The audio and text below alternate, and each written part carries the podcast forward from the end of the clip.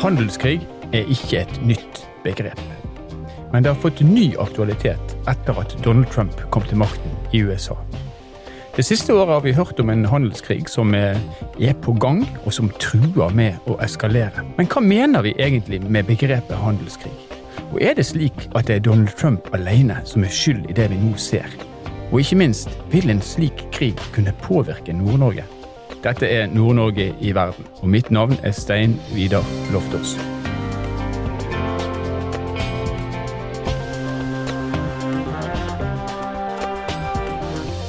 Game on here. A trade war between the United States and China is here. It's real. At the stroke of midnight, the U.S. hit China with tariffs on $34 billion worth of goods. China immediately responded with its Handelskrig det er at et land prøver å beskytte sin, sine industrier fra konkurranse fra utlandet. Man kan legge toll på varer som skal importeres fra andre land, og man kan gjøre det vanskelig med reguleringer osv for andre land å eksportere sine varer inn til landet. Det viser seg ofte at det er lite smart.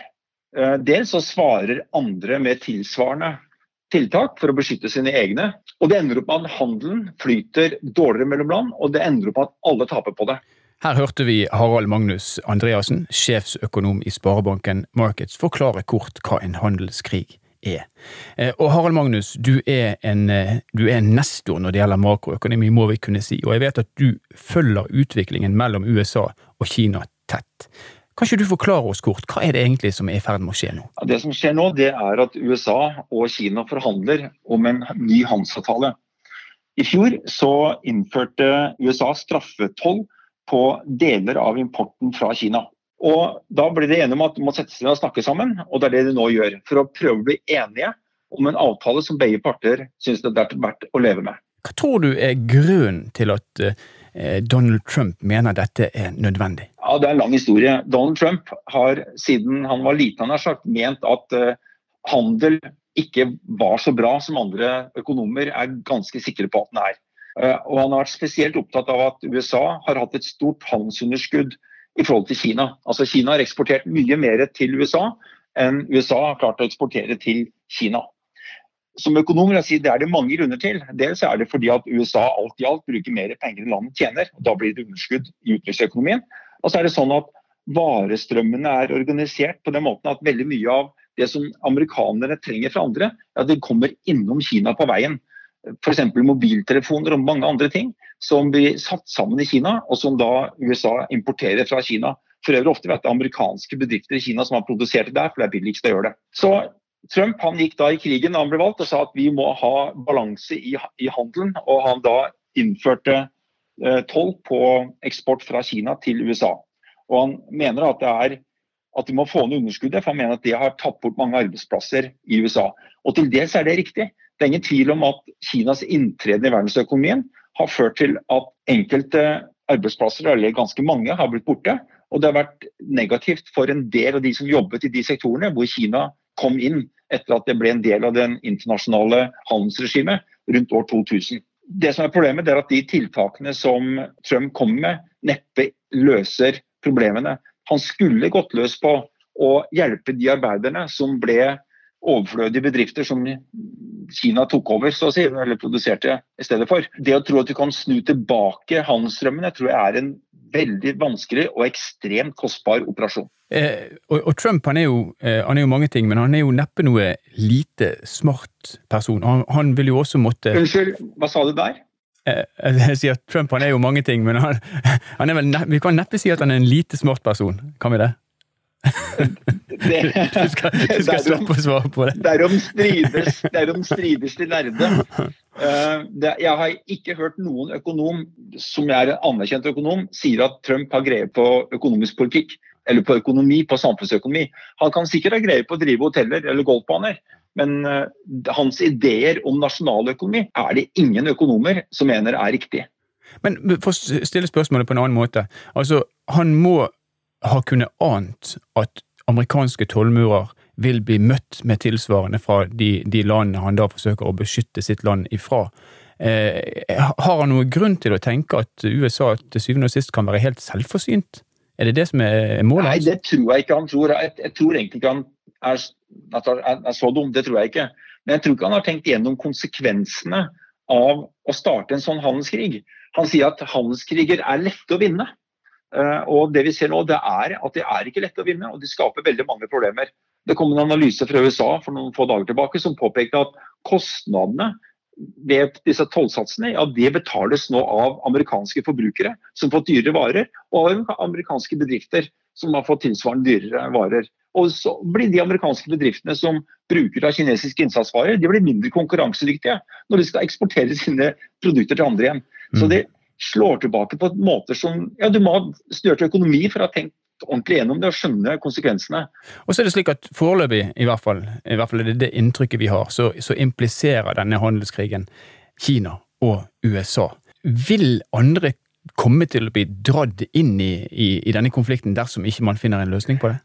Ja, det tror jeg er ganske sannsynlig. Det er jo sånn, nå, er det, nå er det jo handelskrig på andre områder også. USA har vedtatt eh, tollsatser på stål og aluminium på 10-25% for å beskytte produsenter i USA.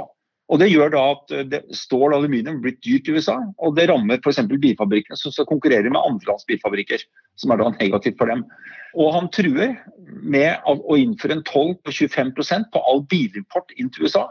Hvis det skjer, så er det en, en voldsomt angrep på Europa og på Japan, som de føler seg dessverre nødt til å svare på. Og da har vi det gående på noe som er skrekkelig ubehagelig.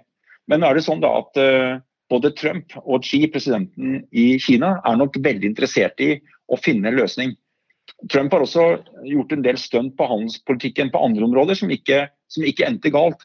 Han sa at NAFTA, den frihandelsavtalen i Nord-Amerika mellom Mexico, Canada og USA, det var den verste handelsavtalen som var inngått noen gang, og USA har tapt alt på denne avtalen. Så reforhandler avtalen og kommer tilbake noe som er nesten kliss likt det vi hadde fra før. Tilsvarende en avtale med Korea. Og så tar han det som en stor seier at han har gjort en, den verste avtalen i verden og blitt den beste i verden uten substansielle endringer. Og Det gjør meg litt optimistisk at man er villig til å finne nye avtaler som egentlig er i bunn og grunn ganske fornuftige. For det er det nevnte jeg ikke i sted, men det er ting med Kinas atferd som er vanskelig. Bl.a. at de har vært fælt å stjele patenter og ikke holde seg til avtaler på slike ting. Krevd urimelige ting av utenlandske bedrifter som skal investere i Kina. Og for å rydde opp i det, det er veldig bra. Det har andre prøvd på før, og ingen har fått det til. Og kanskje den hardline-politikken fra Trump her faktisk kan gi det som løsning, at det blir bedre enn det det var. Men hvis du ser på, eh, på, Trump i en litt større kontekst, eh, uten at vi skal gjøre det for stort, så er jo det en gjennomgangstone for han at han mener at USA kommer dårlig ut i alt av avtaler, enten det er handelsavtaler eller det er Nato eller hva det er. Har han rett på noen måte? Er det slik at vi har overlatt for stor del av regningen til USA? Nei. Vi kan diskutere på det militære på Nato, eh, men når det gjelder utenriksøkonomi og alt med økonomi å gjøre, så er det ingenting som tyder på at USA har vært på tapersiden i global handel. Det at USA går med underskudd samlet sett, og har gjort det lenge, det kommer veldig enkelt av at amerikanere bruker mer penger enn det de tjener. Det har ingenting med handelsavtalen å gjøre. Når det gjelder militæret, kan man diskutere. Eh, mange vil vel mene at det amerikanske militæret er eh, at de bruker mye penger på forsvar, ville noen si, kanskje også på angrep, eh, er måtte USAs valg, og at de andre Nato-partnerne ja, kanskje de har bidratt noe for lite. Og de var på vei opp. De hadde gjort avtale med Obama om å øke andelen til 2% av BNP innen 2024. Men samlet sett så har jo det verdensregimet som USA etablerte etter annen verdenskrig, har vært en verden som har tjent de som har vært med på det regimet, veldig bra.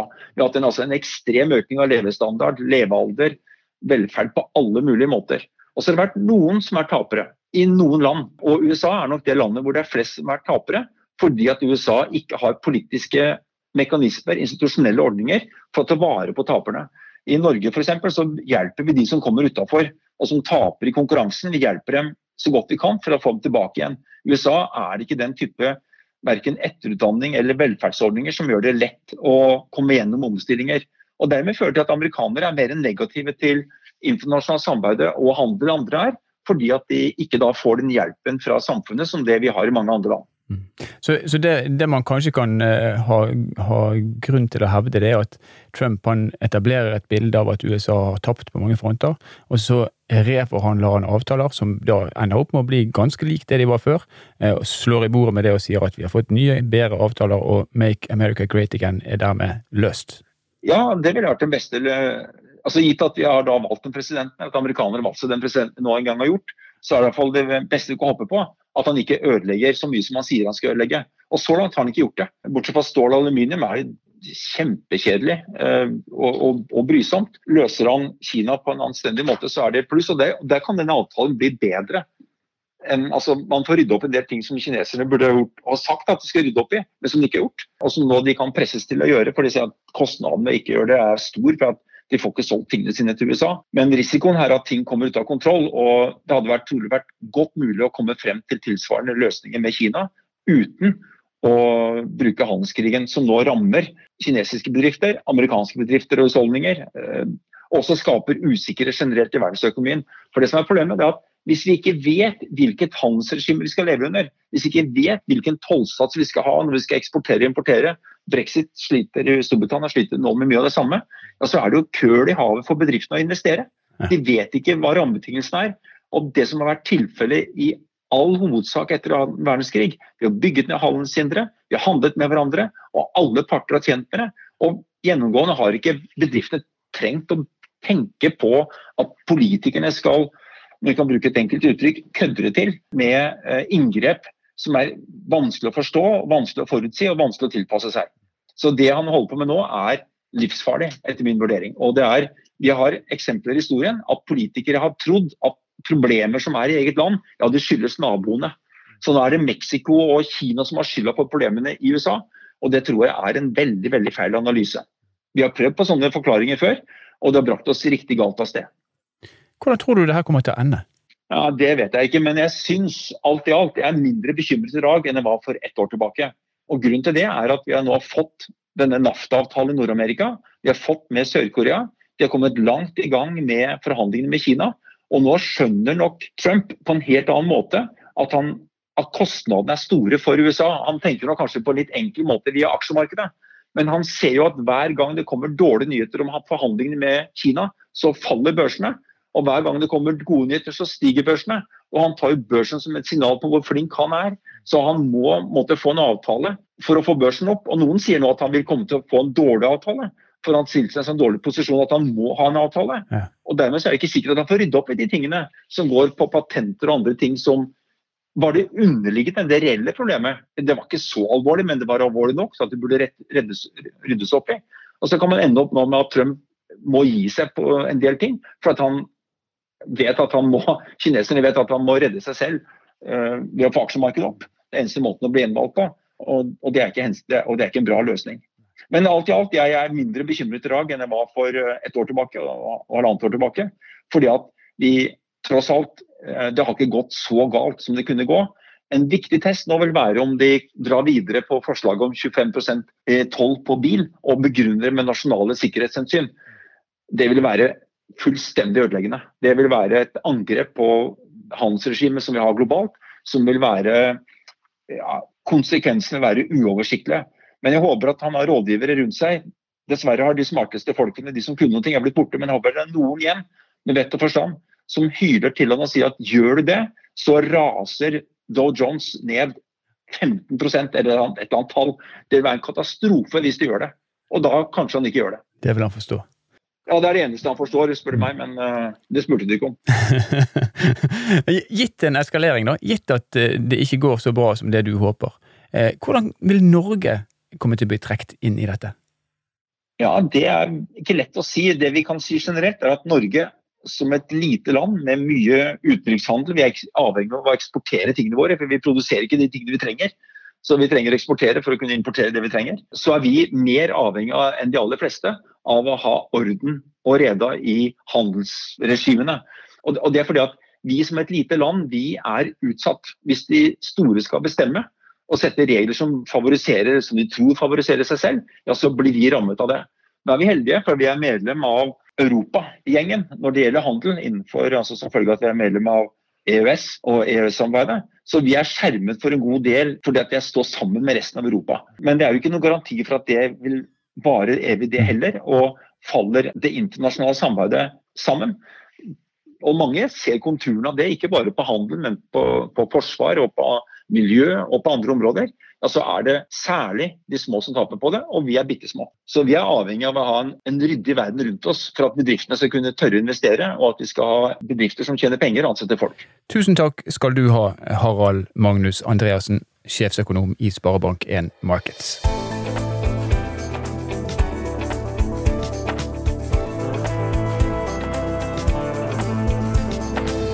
Jan Frode Jansson, avtroppende konsernsjef i Sparebanken Nord-Norge. Du har fulgt eh, internasjonal økonomi, nasjonal økonomi og nordnorsk økonomi i en årrekke. Og jeg vet at du er spesielt opptatt av hvordan nordnorsk makro preges av det som skjer i verden rundt oss. Kan du kort prøve å forklare oss hva er sammenhengen mellom nordnorsk makro og verden? Du, vi er en landsdel som er vant til handel med verden. Eh, før så var det mest fisk, nå er det også flere andre ting som vi, vi selger. Vi har en haug med eksportbedrifter, eh, og så har vi da mange igjen som leverer til de. Så når det da er turister her, så har vi da hoteller, vi har bedrifter på opplevelser, vi har handel som leverer rett til turistene. Og så har vi byggenæringa og andre som leverer inn til de igjen. Så vi er en svært eksportavhengig landsdel. Og de påvirkes det som skjer i verden. Det kan være eh, sanksjoner, sånn som det var med Kina og, og Russland. Det kan være toll, faren ved brexit og handelskrig i USA og Kina. Det kan være valutakurser. Hvis krona blir sterkere, så blir varene våre dyrere å kjøpe. Og det kan være konjunkturer generelt med etterspørsel. Hvor mange i verden vil ha våre varer og tjenester? Og så hørte vi nettopp Harald Magnus Andreassen snakke om denne handelskrigen, som da hvert fall foreløpig eh, først og fremst utkjempes mellom USA og Kina. Vi hørte han si at den har og kan få store ringvirkninger. Har vi i Nord-Norge noe grunn til å være bekymra for det som skjer? Du er vel egentlig pt mer oppmerksom enn bekymra. Altså, så langt så har det egentlig vært få konsekvenser å se på det nasjonsnivået. Kanskje med unntak av metaller, altså stål, aluminium, så har vi ikke merka så veldig mye. Men det er klart at når det er en handelskrig mellom de to stormaktene i verden, så skal vi følge med hva som skjer. Og så er det interessante her at Trump fikk jo effekten han ønska i starten. Og så skal vi få til vekst i USA, så lager man barrierer, tollmurer. Men så tar da handelsparten og gjør det samme, og så blir det her en negativ spiral, og så demper det verdensveksten. Og det er jo den store bekymringa her. Eh, skal vi nå gå ut av perioden vi har vært i, hvor det har vært rekordhøy og stabil vekst, gjennom da mange år, skal den brytes. For kikker vi på de siste årene, så har det vært sånn perfekt korrelasjon, egentlig. Altså Da man sleit i Europa og USA, så kom Kina som ei kule. Så har det bra vekst på totalen. Da Kina begynte å gå ned igjen, så kom USA og Europa opp. Det her kan brytes, og det følger vi med på. Men, men gitt, at, gitt, at, vi får en eskalering, gitt at det går eh, gale veien, hvor vil vi merke det først, tenker du? Nei, du, Effektene er litt vanskelig å lese, og, og PT så er det egentlig mest uroen vi merker. Altså det er usikkerhet, det vi kaller politisk risiko, og vi ser børser som går opp og ned. Aksjer, renter, valuta osv. Og derfor også vi da er var på enkelthendelser. Og så er det interessant at en del hendelser får effekt umiddelbart. Ta eksempelet brexit. Og så skulle du få en hard utgang der, så stopper det opp, og stopper det tvert. Og Hvis du spør noen bedrifter i Nord-Norge innenfor sjømat, så merker de at de har levert fryktelig mye fisk til England. Og hvorfor det? Jo, det tar høyde for en stopp. Så enkelttiltak kan virke veldig hurtig. Mm. Men er det noe vi kan gjøre for å beskytte oss mot dette i sterkere grad, eller er det bare sånn at vi må, vi, vi må ta det vi får, på en måte? Du svarer på det enkelt. Det svaret er ja. Og, og det første det handler om, om kunnskap. Det å forstå det her. Og det andre er egentlig det å vurdere risiko. I hver bedrift kikke gjennom, altså hva er det som kan ramme oss. Hvis vi er veldig sårbare på en svingning av valutaen, hva gjør vi da? Vi kan sikre valutaen. Hvis vi er veldig sårbare på en råvarepris, vi kan gjøre det samme. Det å gå gjennom det der systematisk, det kan faktisk gjøre oss i stand til å håndtere den usikkerheten som er der. Helt, eh, helt til slutt, Jan Frode. Du har nå, i, eh, siden du kom til, eh, til Nord-Norge for seks-syv år siden, årlig gitt oss et økonomisk værvarsel, der du har spådd et stykke inn i fremtiden. Hvordan vil, ting vil utvikle seg for Nord-Norge. Nå er du straks på vei til å forlate landsdelen og skal bli trønder igjen. Kan du gi oss en siste, en siste værvarsel, en siste spådom? Hva, hva, kommer til å skje når du forlater? Jo, Du har jo helt rett, jeg er jo i med å ta på meg mokasiner med dusk, anlegge bart og få, få skinnvest, men eh, skal jeg kikke på en sånn siste gang på det, så er det at altså etterspørsel etter det vi tilbyr i nord, den kommer ikke til å gå ned. Selv om det uroer markedet, den kommer til å øke. Verdens befolkning skal gå opp fra 7 til 10 milliarder. Folk trenger mat, man trenger energi, man trenger opplevelser og levert på en bærekraftig måte. Ingen steder i Norge ligger det så godt, eller i verden ligger det så godt til rette for det som akkurat i Nord-Norge. Den største begrensninga, det som jeg har snakka mye om, tilgangen på nordlendinger. Altså Norge trenger flere nordlendinger. Og min spådom er at vi går fra å prate om det, til faktisk å gjøre en ordentlig dugnad. Her vil vi tenke som USA har gjort gjennom historien. Altså det å tiltrekke seg, være attraktiv for kompetanse og arbeidskraft. Det er min spådom om det nye Nord-Norge. Og Lykkes vi med det, så er altså værvarselet relativt skyfri himmel. Det er i hvert fall lettskya, pent vær. Tusen takk til deg, Jan Frode Jansson. I denne episoden av Nord-Norge i verden har du møtt sjefsøkonom Harald Magnus Andreassen fra Sparebank1 Markets, og du har møtt avtroppende konsernsjef i Sparebank1 Nord-Norge, Jan Frode Jansson.